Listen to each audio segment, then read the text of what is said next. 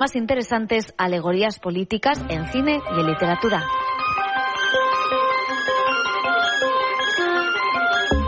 Son ya las 7 y 20 minutos de la mañana, las 6 y 20 en Canarias. Cadena Ser Catalunya. Allà on vagis, Ser Catalunya t'acompanya. Escolta Ser Catalunya en directe des de qualsevol lloc Som a la barra de bar amb la Núria Casas. amb l'aplicació de la cadena Ser. Som a tot arreu. Som al teu costat. Descarrega't l'app de la Ser, cadena Ser, i busca Ser Catalunya. Ser Catalunya. Arroba Ser Catalunya. Al perfil de Ser Catalunya trobaràs tot el que passa davant i darrere els micròfons. Posa cara a la ràdio i no et perdis res. Segueix Ser Catalunya a Instagram. Arroba Ser Catalunya.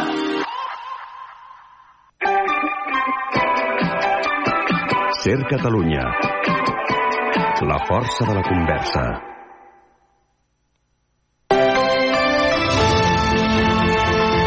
Hoy por hoy Catalunya. Sergi López.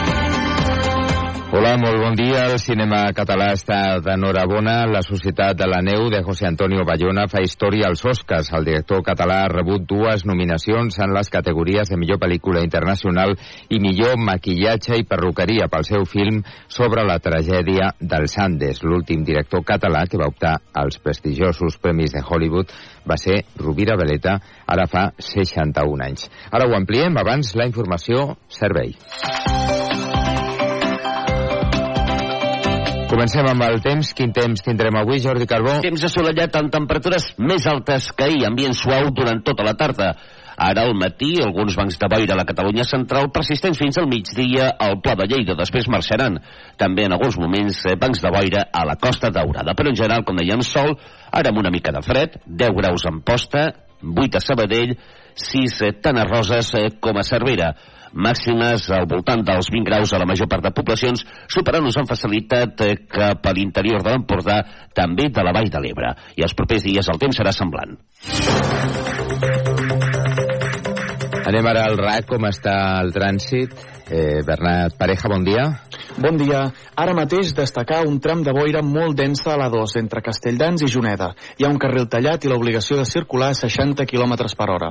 A la P7, 2 km de densitat en l'enllaç entre aquesta via i la B23 en sentit sud. A la 2, 2 km de circulació amb retencions arribant al nus del Llobregat. A la C58, un quilòmetre de congestió arribant al nus de la Trinitat. I pel que fa a les rondes de Barcelona, a la ronda de dalt trobem marxa intermitent entre el nus de la Trinitat fins Vallcarca en sentit Llobregat i a la ronda litoral retencions entre el nus del Besòs i Ciutat Vella també en sentit Llobregat. És tot des del RAC. És dimecres, és 24 de gener.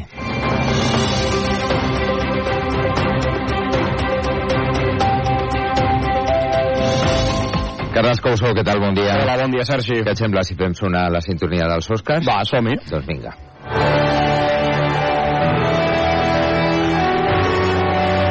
sonar aquesta sintonia perquè la Societat de la Neu de José Antonio Bayona per partida doble i Robot Dreams del bilbaí Pablo Berger competiran per tres Oscars. La cinta de Bayona està entre les cinc pel·lícules nominades a l'Oscar com a millor film internacional i també en la categoria de maquillatge i perruqueria.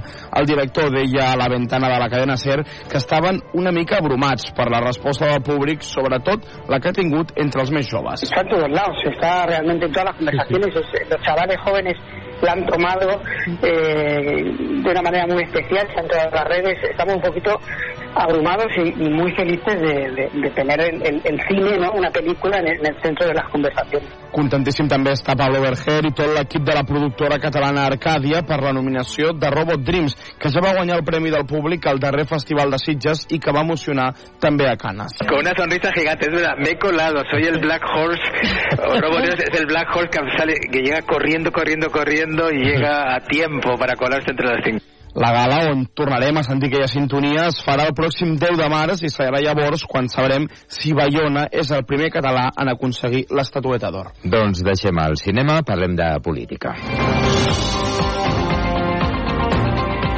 Pere Aragonès reestructura el seu govern a un any d'esgotar la legislatura. Sí, el president reforça Laura Vilagrà, que passa de consellera a vicepresidenta, i Sergi Sabrià, que serà el nou viceconseller d'Estratègia i Comunicació. També hi ha canvis a la Secretaria de Mitjans de Comunicació, que liderarà Marc Bataller. Canvis que Laura Pons s'enforteixen al nucli dur del president de la Generalitat. Sí que l'enforteixen i que eliminen tota mena de dubte sobre un avançament electoral. Diu Aragonès que les eleccions es convocaran quan toquen d'aquí un any i que el seu govern no deixarà la feina a mitges missatge canvia l'oposició. Perquè aquest govern culminarà la legislatura i si algun tenia algun dubte, les decisions d'avui doncs eh, desmenteixen els desitjos que pot tenir una part de l'oposició d'anar sembrant dubtes constantment. Cal abordar el finançament singular, el traspàs de Rodalies i resoldre el conflicte polític amb l'amnistia, afegia Pere Aragonès, qui reforça el seu pinyol a un any de les eleccions, uns canvis que el president explicarà aquest matí al ple del Parlament.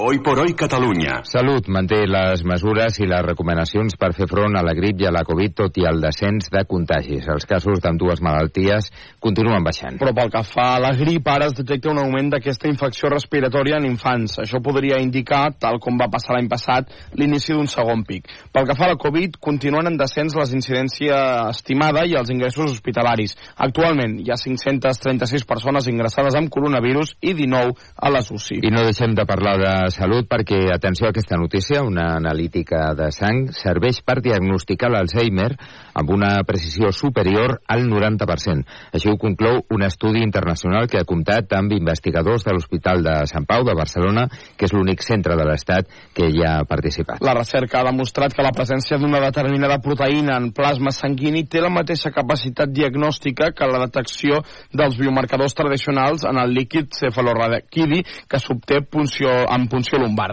Daniel Alcolea és investigador de l'Institut de Recerca de Sant Pau. Encara hem d'acabar de veure de quina manera integrem aquest marcador en el procés diagnòstic en el dia a dia i en quin perfil de pacients pot resultar més útil. Però l'estudi estima que la seva incorporació podria reduir fins un 80% la necessitat de tests més invasius, com la punció lumbar. La precisió per identificar la malaltia amb l'anàlisi de sang és d'entre el 90 i el 95%, fins i tot en les etapes preclíniques, quan el pacient encara no presenta símptomes. I ara moment pels successos.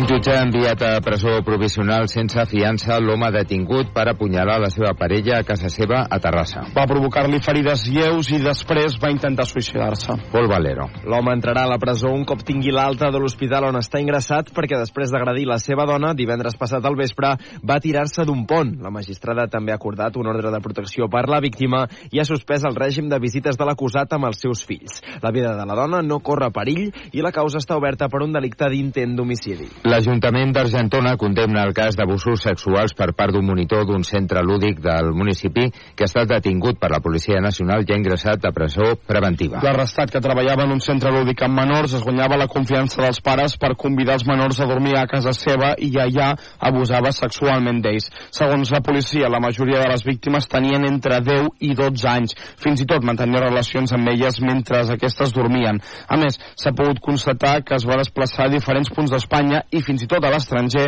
per cometre fets similars. Els investigadors han detectat de moment 9 víctimes, però pel material requisat el detingut eleven el nombre de víctimes, atenció, a més de 70. Els Mossos d'Esquadra, d'altra banda, han detingut un camioner per circular amb una taxa d'alcohol, atenció, 9 vegades superior a la permesa, Mònica Peinado. Els Mossos el van detectar mentre circulava per l'autopista AP7 a Tarragona. Anava fent zigazagues, envaint altres carrils i també el voral, així que els agents van aturar el camió, li van fer la prova d'alcoholèmia al conductor i va donar positiu en alcohol amb 1,30 mil·ligrams per litre d'aire expirat. Això és gairebé 9 vegades més del permès perquè per als conductors professionals la taxa permesa és de 0,15 mil·ligrams. El conductor ha estat detingut i acusat d'un delicte contra la seguretat viària. Avui toca Copa del Rei. El Girona visita a dos quarts de vuit al Mallorca i dues hores més tard el Barça visita l'Atlètic de Bilbao. Ho fa amb Cancelo i Christensen que tornen a la convocatòria. Santiago Valle, bon dia. Bon dia, tots dos s'han entrat a la convocatòria recuperats de lesió, una llista amb set jugadors del filial i amb les baixes de Marc-André Ter Stegen, Gavi, Marcos Alonso, Rafinha i Íñigo Martínez. Xavi creu que el partit d'aquesta nit serà molt diferent al de diumenge contra el Betis. Ah difícilment tindrem tanta possessió de pilota. Ells apreten i apreten línia defensiva alta, ells també volen tenir la pilota, joc directe, segones pilotes, centros... Demà és un escenari totalment diferent al Villamarín, però, però sí, sí, és moment de, de competir i de, i de poder estar a semifinals lluitant per un, per un títol. El partit el podreu seguir a partir de dos quarts de nou del vespre al Moguts pel Barça de Ser Catalunya o al Carrusel de la Ser. Son las siete y media, las seis y media en Canarias. Hoy por hoy, con Ángeles Barceló.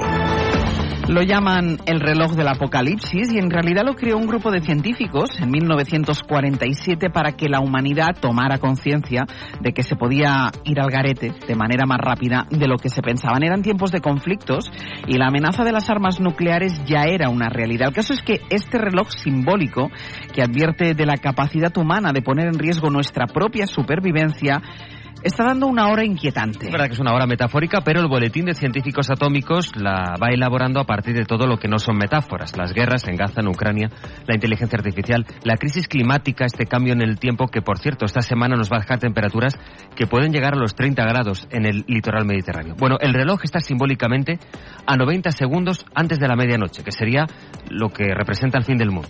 Está como estaba el año pasado, pero bueno, en 1991 estaba a 17 minutos y hoy estamos a minuto y medio. Pero si estamos en el mismo punto que el año pasado, eh, vamos a verlo para la parte positiva y es que no hemos ido a peor. Bueno,